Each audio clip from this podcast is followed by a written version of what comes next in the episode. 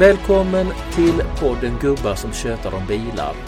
Avsnitt nummer 12 med mig Ola Sigvardsson och som alltid med Håkan Mattsson.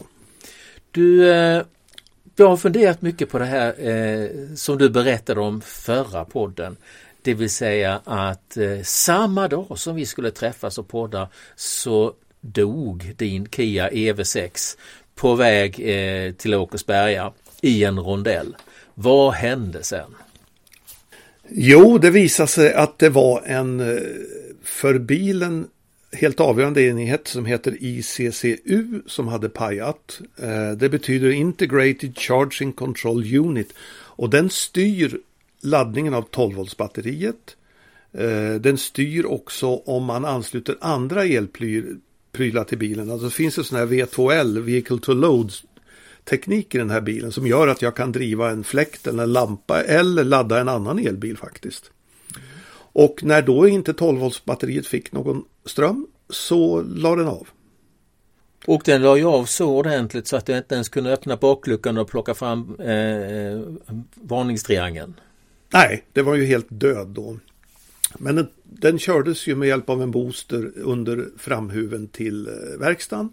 Och där blev det stående i stort sett två veckor i väntan på den här delen. Jag tror jag hade tur som fick en del för att den där är restnoterad och vi vet ju att eh, det är komponentbrist i världen. Så att eh, jag var glad att jag fick en sån där. Jag fick en lånebil som jag åkte omkring med, faktiskt en likadan fast röd. Så att eh, jag får väl förklara mig nöjd och jag måste säga ändå så här, eh, nu låter det här kanske inställsamt, men jag tror att vi som köper de här nya elbilarna måste vara lite mer toleranta med eh, den här typen av fel. Alltså, vi kan inte förvänta oss att den här tekniken är fullständigt utprovad och utprövad. Så att um, lite mer tålamod får man väl ha. Nu är ju jag härdad eftersom jag också är alfaägare så jag vet ju vad, vad det betyder att kunna ha tålamod med olika fel på en bil. Jag förstår. Vi, jag tror faktiskt att vi kommer att återkomma till Alfa Romeo lite grann senare här i podden. Men eh, slutet gott, allting gott. Bilen rullar som den ska nu. Bilen rullar som den ska. Den mm. går alldeles utmärkt. Mm. Kör i snowläget nu med fyrhjulsdrift oftast eftersom det är snöstorm här i Stockholm igen.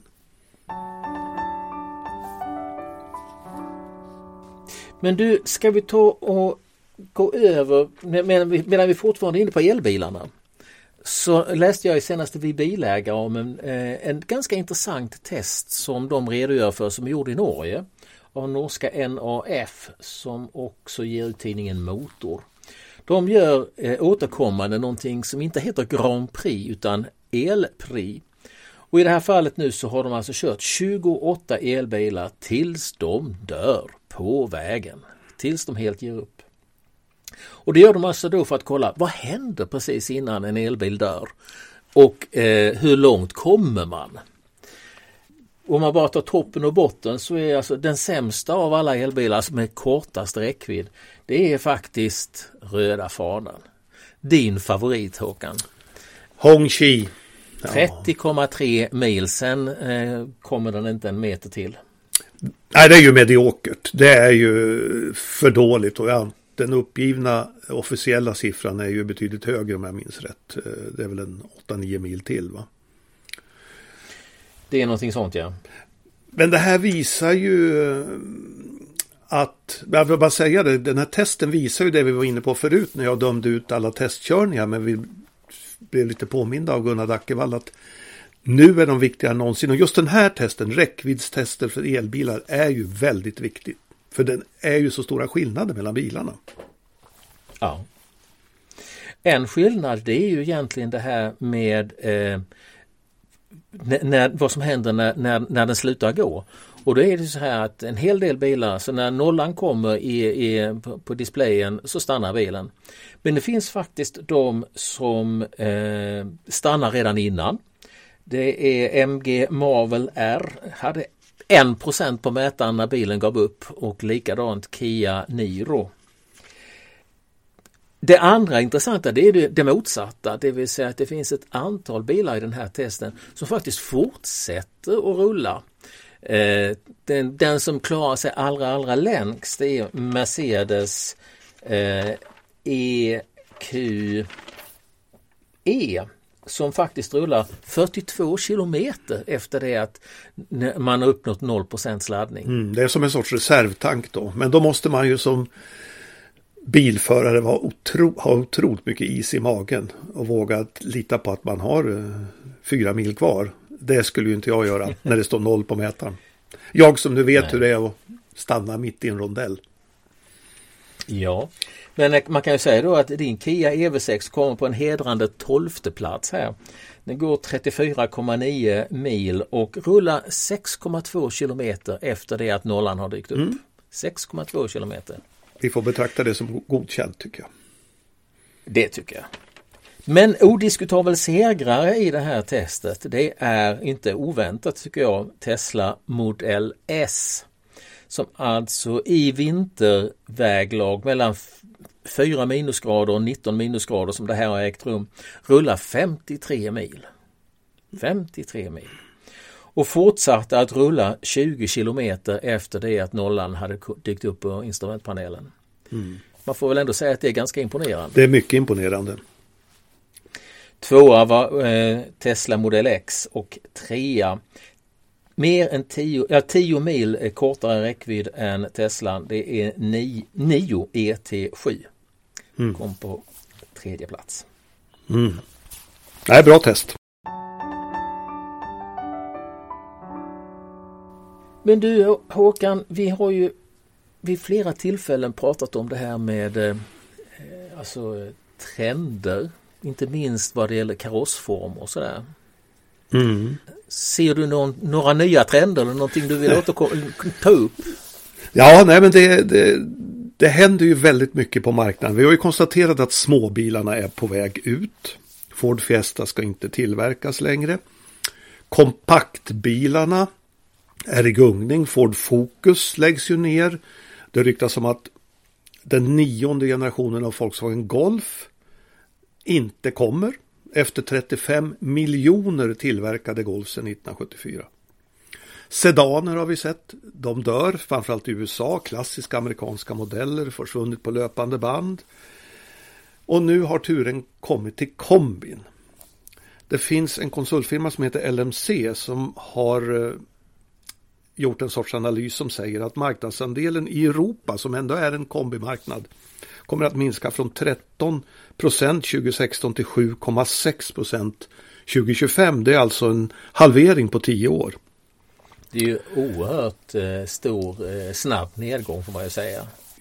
Och, det, och detta av, av svenskarnas favoritbil under många, många år ja. i alla fall. Mercedes har ju överraskande nog då sagt att de kommer att lägga ner alla sina kombin. Som det ser ut. Det kommer att ta några år. Men T-modellen som den heter, det betyder Touristik und Transport. De lanserades 1977 men kommer inte att finnas kvar 2030. Överhuvudtaget så, så gör Mercedes en enorm rensning av sina eh, modeller. Den svenske chefen Ola Källenius har beslutat att av de 33 karossformer som finns i Europa och USA så kommer endast 14 att överleva. Och det här är ju ekonomiska skäl bakom. Man kan inte hålla liv i alla karossformer. Så att ehm, ja, det, det, där, de är på väg ut. Och det är ju bristande, bristande efterfrågan. Och man undrar lite grann då. Vad händer med, med kombimästaren Volvo? Är den klassiska sossecontainern på väg ut? Ja, det verkar ju så. Ja, jag studsade ju till när jag såg siffrorna från i fjol. Eh, jag hade ju aldrig trott, men jag, jag, jag har försökt dubbelkolla dem. I fjol såldes det bara 14 700 V90 inklusive cross country. Det är alltså 14 000 globalt i världen. Men, men det såldes 42 900 S90, alltså sedanen. Hade du frågat mig innan jag sett de här siffrorna hade jag sagt att det var precis tvärtom. Men det är alltså tre mm. gånger vanligare med sedan än kombi. Och, mm, och jag hade hållit med dig. Ja, men sju sålda Volvo av tio är en SUV. Och det är ju precis det som har växt hos alla tillverkare. Vi har konstaterat förut att varannan såld bil i världen är en SUV. Det är små suvar, stora suvar, mellanstora suvar. Ja, suvar överallt skulle man kunna säga. Men nu, nu ska jag ge dig chansen att håna mig så, så att eh, varsågod. jag, jag sitter här med ett dokument framför mig. Författat eh, av Håkan Mattsson 1997, för 25 år sedan. Mm. Och det har alltså rubriken Död åt suven. Eh, här slår du alltså fast till exempel att du undrar varför det måste stå en terrängbil på uppfarten på varenda villa i Bromma och på andra områden där övre medelklassen bor. Och så dyker du ner i bilens brister, det vill säga bristande trafiksäkerhet, alltså krocksäkerhet, eh, att den drar väldigt mycket bens, eh, alltså bränsle och att den släpper ut väldigt mycket. Och du skriver bland annat att höjden av cynism och hyckleri inträffar när ägarna kör iväg med sitt källsorterade material i en terrängbil och lägger gröna och ofärgade flaskor i av kommunen utplacerade miljöstationer. Det var ganska bra formulerat tycker jag själv. Varför bry sig när man ändå spyr ut 4 kilo koldioxid för varje mil man kör? Och så kommer du till din slutsats. Eh, du tror att det här är en bubbla. SUVen mm. är en bubbla. Eh, och du tror att bubblan kommer att spricka före sekelskiftet. Alltså då tre år efter det att din eh, krönika var 2000 ja. Mm. Ja.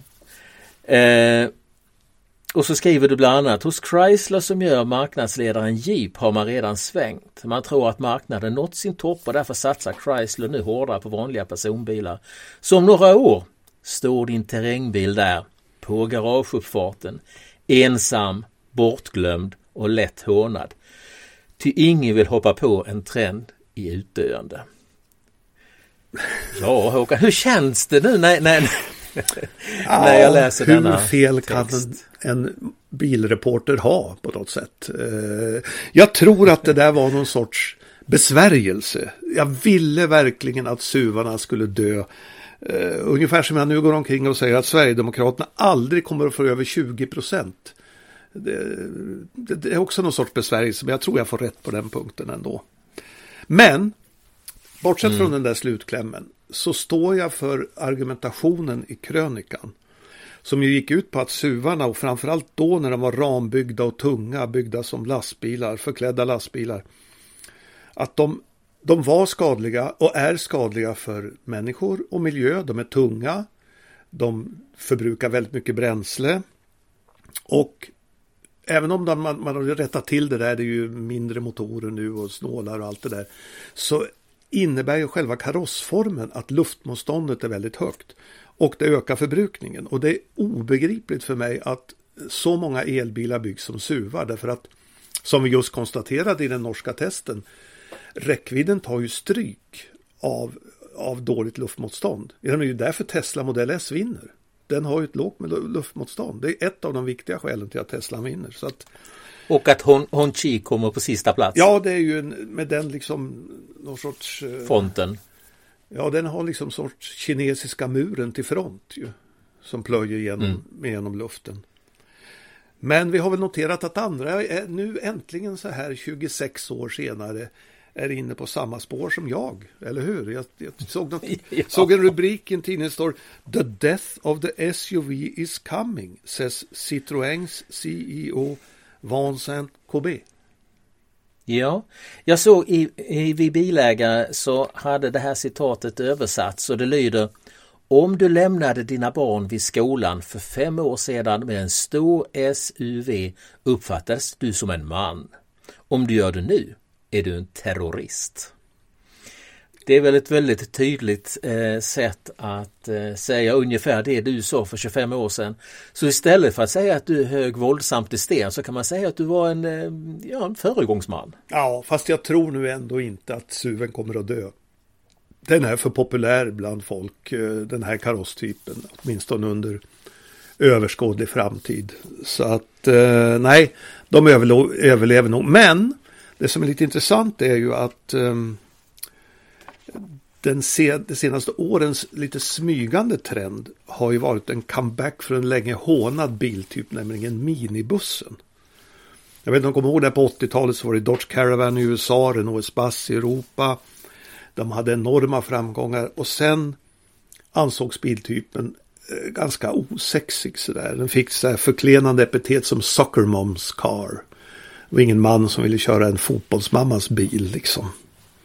Men egentligen är ju den här biltypen minibussen den är ju eh, kanske det bästa för familjen. Gott om plats, lätt att komma i och ur, ofta skjutdörrar, rejäla bagageutrymmen, fina säten på många platser. Så att, ehm, ja, man kan se att den kommer tillbaka. I, I, Asien har den ju levt lite i skymundan, men i Japan har jag sett väldigt många av den här stora, lite lyxiga suvarna, eller vet du, minibussarna, förlåt. Uh, så att jag tror att den kan eventuellt komma tillbaka. Men ser du några modeller på väg?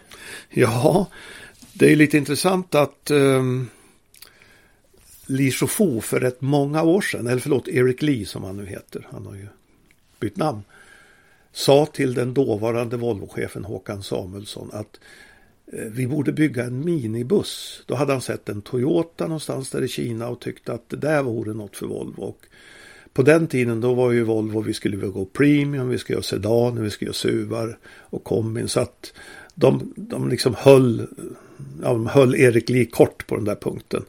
Men nu kommer det ju en, en Volvo minibuss eh, baserad på Geelys dottermärke Zeekr 09 som den modellen heter. Den har redan visats i Kina. Det är ju en elbil, dubbla motorer, 536 hästar, ett jättebatteri på 140 kilowattimmar och enligt uppgift en räckvidd på 80 mil. Det vill jag se testas i Norge nästa vinter. I 20 minusgrader. Ja, det här är ju baserat på en bottenplatta som nästan allt från Geely och även Volvo görs nu som heter SEA Sustainable Experience Architecture. Och det är intressant, det finns ju många aspekter på den här minibussen från Volvo, men en är ju att utvecklingen har gjorts i Shanghai. Tillverkningen ska ske i Kina. Den ska bara säljas i Kina. Och då är min fråga till dig. Är detta fortfarande en äkta Volvo? Ja, så länge den bär Volvos varumärke så tror jag nog att man får säga att det är en äkta Volvo. I och för sig så många gånger så har ju bilar förklätts med ett, ett varumärke. Som till exempel eh, en av de sista Saab-modellerna var ju en amerikansk, alltså en GM-bil. Saab 97. Saab 97. Hemsk. Ja, och den var ju inte... Hemsk bil. Ja. Hemsk. Och det var ju inte en Saab. Men samtidigt så får man nog säga att det här är nog en Volvo. Vad säger du? Ja, jag måste säga att jag tycker det är tveksamt. Jag brukar i och för sig säga att eh, det är inte tillverkningsorten som avgör, för då skulle liksom Toyota CHR vara en turkisk bil. Eh, utan att det är där bilen är utvecklad. Men nu om allting sker i Kina, utveckling, tillverkning, försäljning, då blir den ju väldigt kin... Men är inte Seeker delvis utvecklad i Sverige? Eh, jo, en del av Seeker-tekniken är ju utvecklad i Sverige, ja.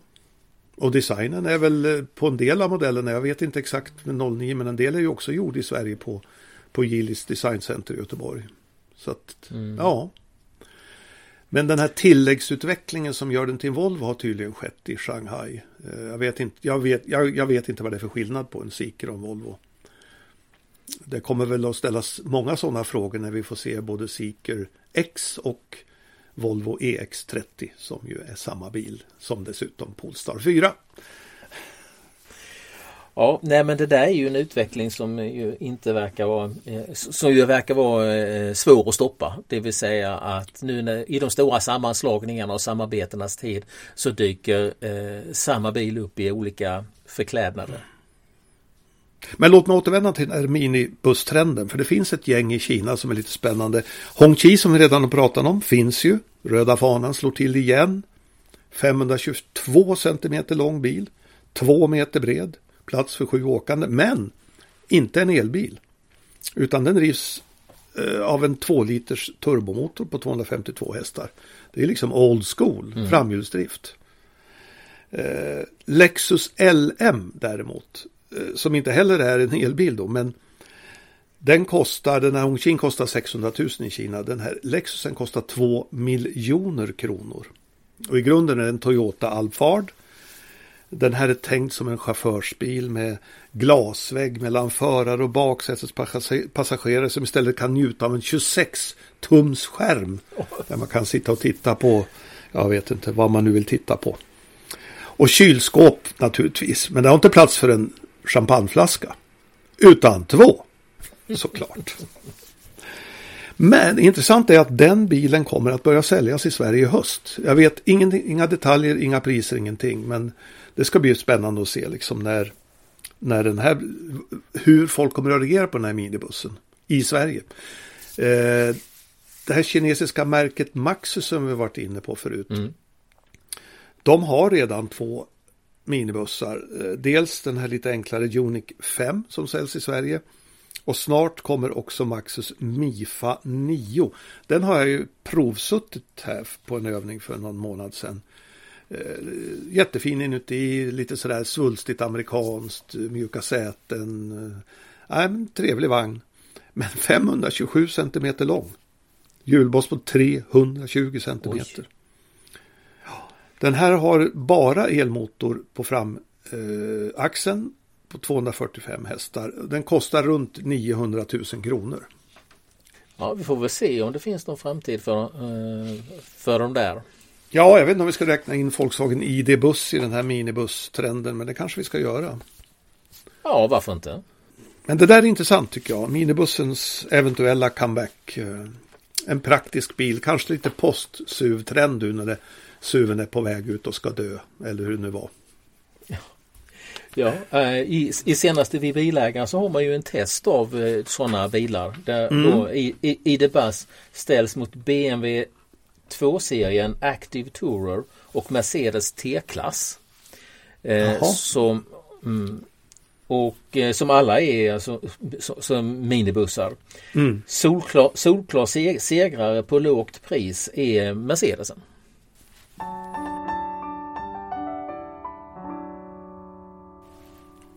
Men du, eh, om vi ska gå vidare så jag, jag, tycker då att den här utomordentliga texten som jag citerade av dig, eh, mycket välskrivna krönikan, den har ju ett visst bett. Du, du, du tar ju i en, en smula om man säger så. Och, jag var elakare på den tiden. Men på tal om elak, alltså hur elak kan man och får man vara som motorjournalist? Jag har sett några exempel här från den senaste tiden. Eh, till exempel Teknikens Värld som eh, i nummer tre i år testar och totalt dömer ut Alfa Romeo Tonale. De konstaterar kör den till skroten. Eh, och det är alltså motor, ja. motor och växellåda ja. som, de, som de vänder sig emot. Ja ja. Han som tyckte det där, inga namn, men han han hävdade ju en gång i tiden att Alfa GT var den sämsta bil som någonsin tillverkas. Alltså vi alfaägare, vi glömmer sällan en oförrätt. Men på tal om det italienska, italienska bilar, jag måste ändå berätta en skröna från Expressen då när vi hade ett 10 000 mila test på den tiden och då körde vi en Lancia Y10. Och det var så väldigt mycket fel på den där bilen så vi satt efteråt och tänkte hur ska vi illustrera det? Ja, vi bestämde oss för att vi, vi lyfter ner den i en sopcontainer. Vilket vi också gjorde och då var det ingen sån där photoshop och sånt utan vi tog en kran och lyfte ner bilen, tog en bild. Eh, Fiat ringde dagen efter publiceringen och eh, den italienske Sverigechefen ville absolut bjuda mig på lunch. Så vi var på La Familia kommer jag ihåg. Det var otroligt trevlig lunch. Han underkände menyn. Han rusade in i köket och sa att ni får göra det här och det här och det här för nu har en viktig gäst. Och så åt vi gott och sådär. Och så avslutade hela den där lunchen med att eh, jag fick ett pressmeddelande om Fiats kvalitetsarbete. Strålande. Men du, jag måste i alla fall läsa slutet på eh, en kommentar här i Teknikens Värld om eh, Alfa Romeo Tonale. Reporten som kommenterar skriver Alfa Romeo som biltillverkare var för den egensinniga, ingenjörsdrivna och designmedvetna. Till och med efter Fiats övertagande av märket. Men nu har det helt diffuderat ut i den stora Stellantis-koncernen och allt som gjort Alfa Romeo till Alfa Romeo är upplöst. Jag gråter tyst. Ja, det ligger väl en hel del i det. Eh, det är ju kanske bilvärldens mest misshandlade varumärke. Ska jag vilja, bilmärke ska jag vilja säga. Ja. Ehm, och nu när man inte ens bemödar sig om att försöka göra en Spider som är liksom ikonmodellen tycker jag för, för en Alfa Romeo. Utan de kör in på det här SUV-spåret. Eh, nej, det känns trist. Usch, usch. Men du hade väl värre sågningar än den där, har jag för mig. Ja. Det var väl ändå milt. Ja, nej men jag har en här som är gjord, eh, publicerad av eh, eh högsta växeln. Det vill säga den här eh, internetbaserade motorsidan som vi ofta har anledning att, att läsa och återkomma till. Men de testade i alla fall i höstas, i december tror jag det var, en MG ZSEV. Alltså den MG som egentligen blev inträdesbiljetten för MG i Sverige därför att den var så otroligt billig att eh, lisa. Jag tror den kostade under 2000 kronor i månaden att lisa till att börja. Rubriken på denna är Renodlad misär. Och man skriver här i texten Designmässigt påminner MGZ SEV om en rullskridsko och den osar vitvara på samma sätt som en tvättmaskin köpt på en loppmarknad. Och kvalitetskänslan är i paritet med en toalettsits köpt på en marknad i Vietnam. Och Eh, och avslutningen, slutklämmen är så här. Det är inte ofta man kör en genuint dålig bil. Men MGZ SEV har lyckats riktigt väl.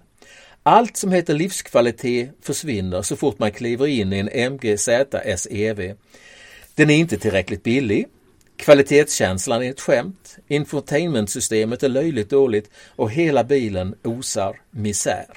Undvik till varje pris. Ja, det är hårt. Det måste jag säga. Det är tuffa tag. Tuffa tag. Ehm, ska, får man vara så där tuff? Ja, man, får, man kan ju å ena sidan tänka då att här är det ju ändå så att, att eh, tusentals timmar av utvecklingsarbete ligger ju även bakom denna, denna MG. Och eh, massor av pengar och tankekraft. Och, ja, kan man då göra så här? Personligen så måste jag nog säga att jag tycker det är ganska uppfriskande. Ja, alltså problemet med oss motorjournalister har väl inte traditionellt varit att vi har varit för hårda utan att vi har varit för snälla. Jo, men motorjournalistik i allmänhet är ju ganska beskedlig. Den kan ofta vara välskriven, inte minst när man är ute på resa med bilar och man kan skriva fina reseberättelser. Men det är ju sällan man eh, i testsammanhang tar fram stora sågen. Vi har väl båda ett gemensamt gemensam provkörning där, där det dåliga samvetet gnager fortfarande trots att det nu är, vad är det, 30 år sedan eller? Jag misstänker att du pratar om eh, Saab 900. Saab 900 ja, 1993. När den, den, den, den nya karossformen kom. Ja, och det var ju första modellen som kom sedan GM hade köpt Saab. Det var en vinna och försvinna modell. Hela, som vanligt höll jag på att säga, så stod hela Trollhättans existens på spel.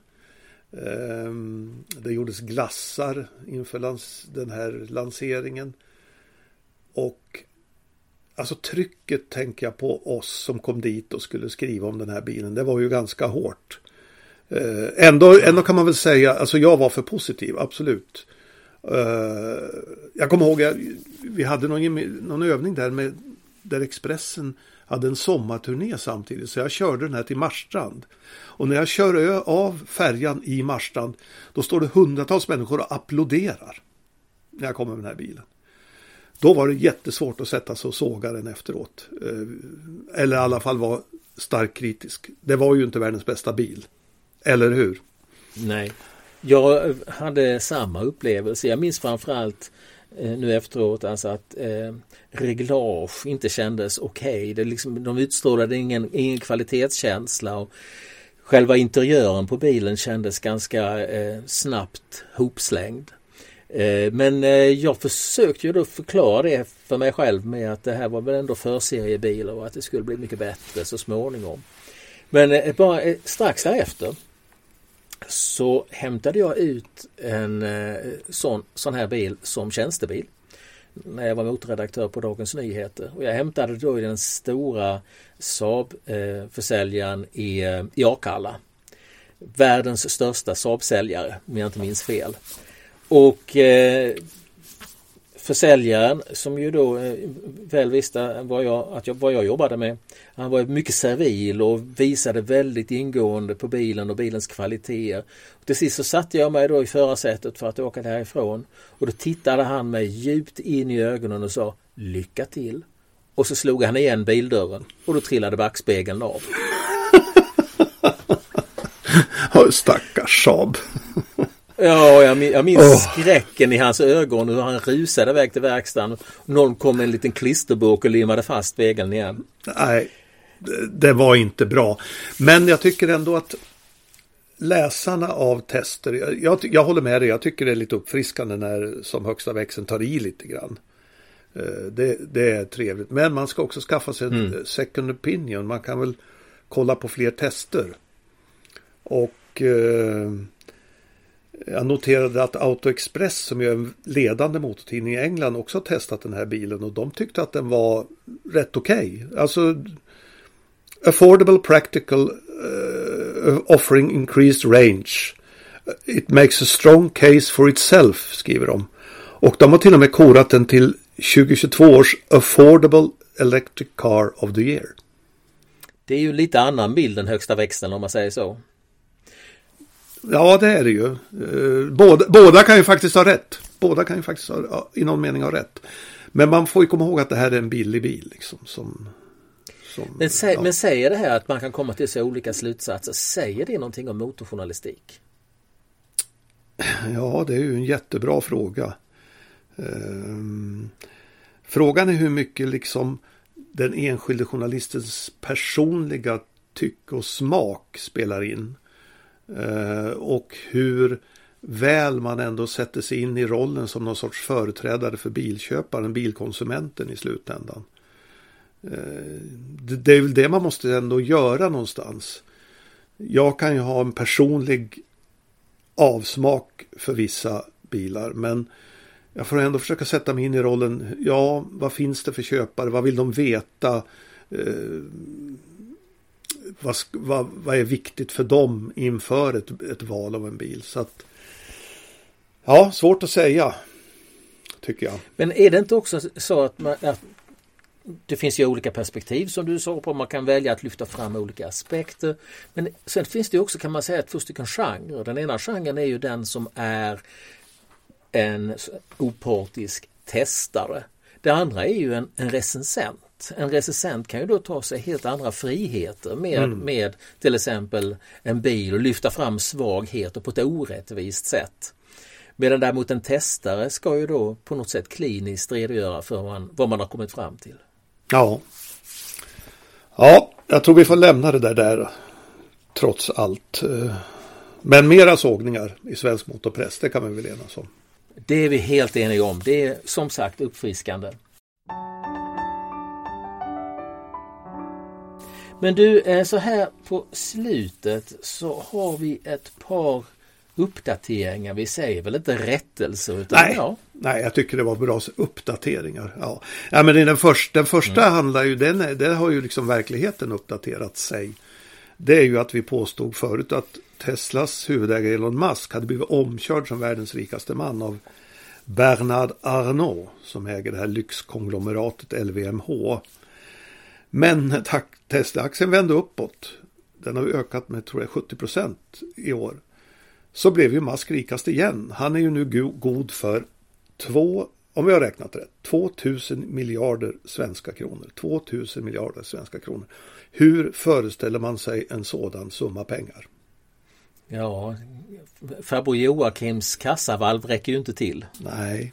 Och Arnault läste jag en artikel om i eh, den utmärkta tidningen DI Weekend.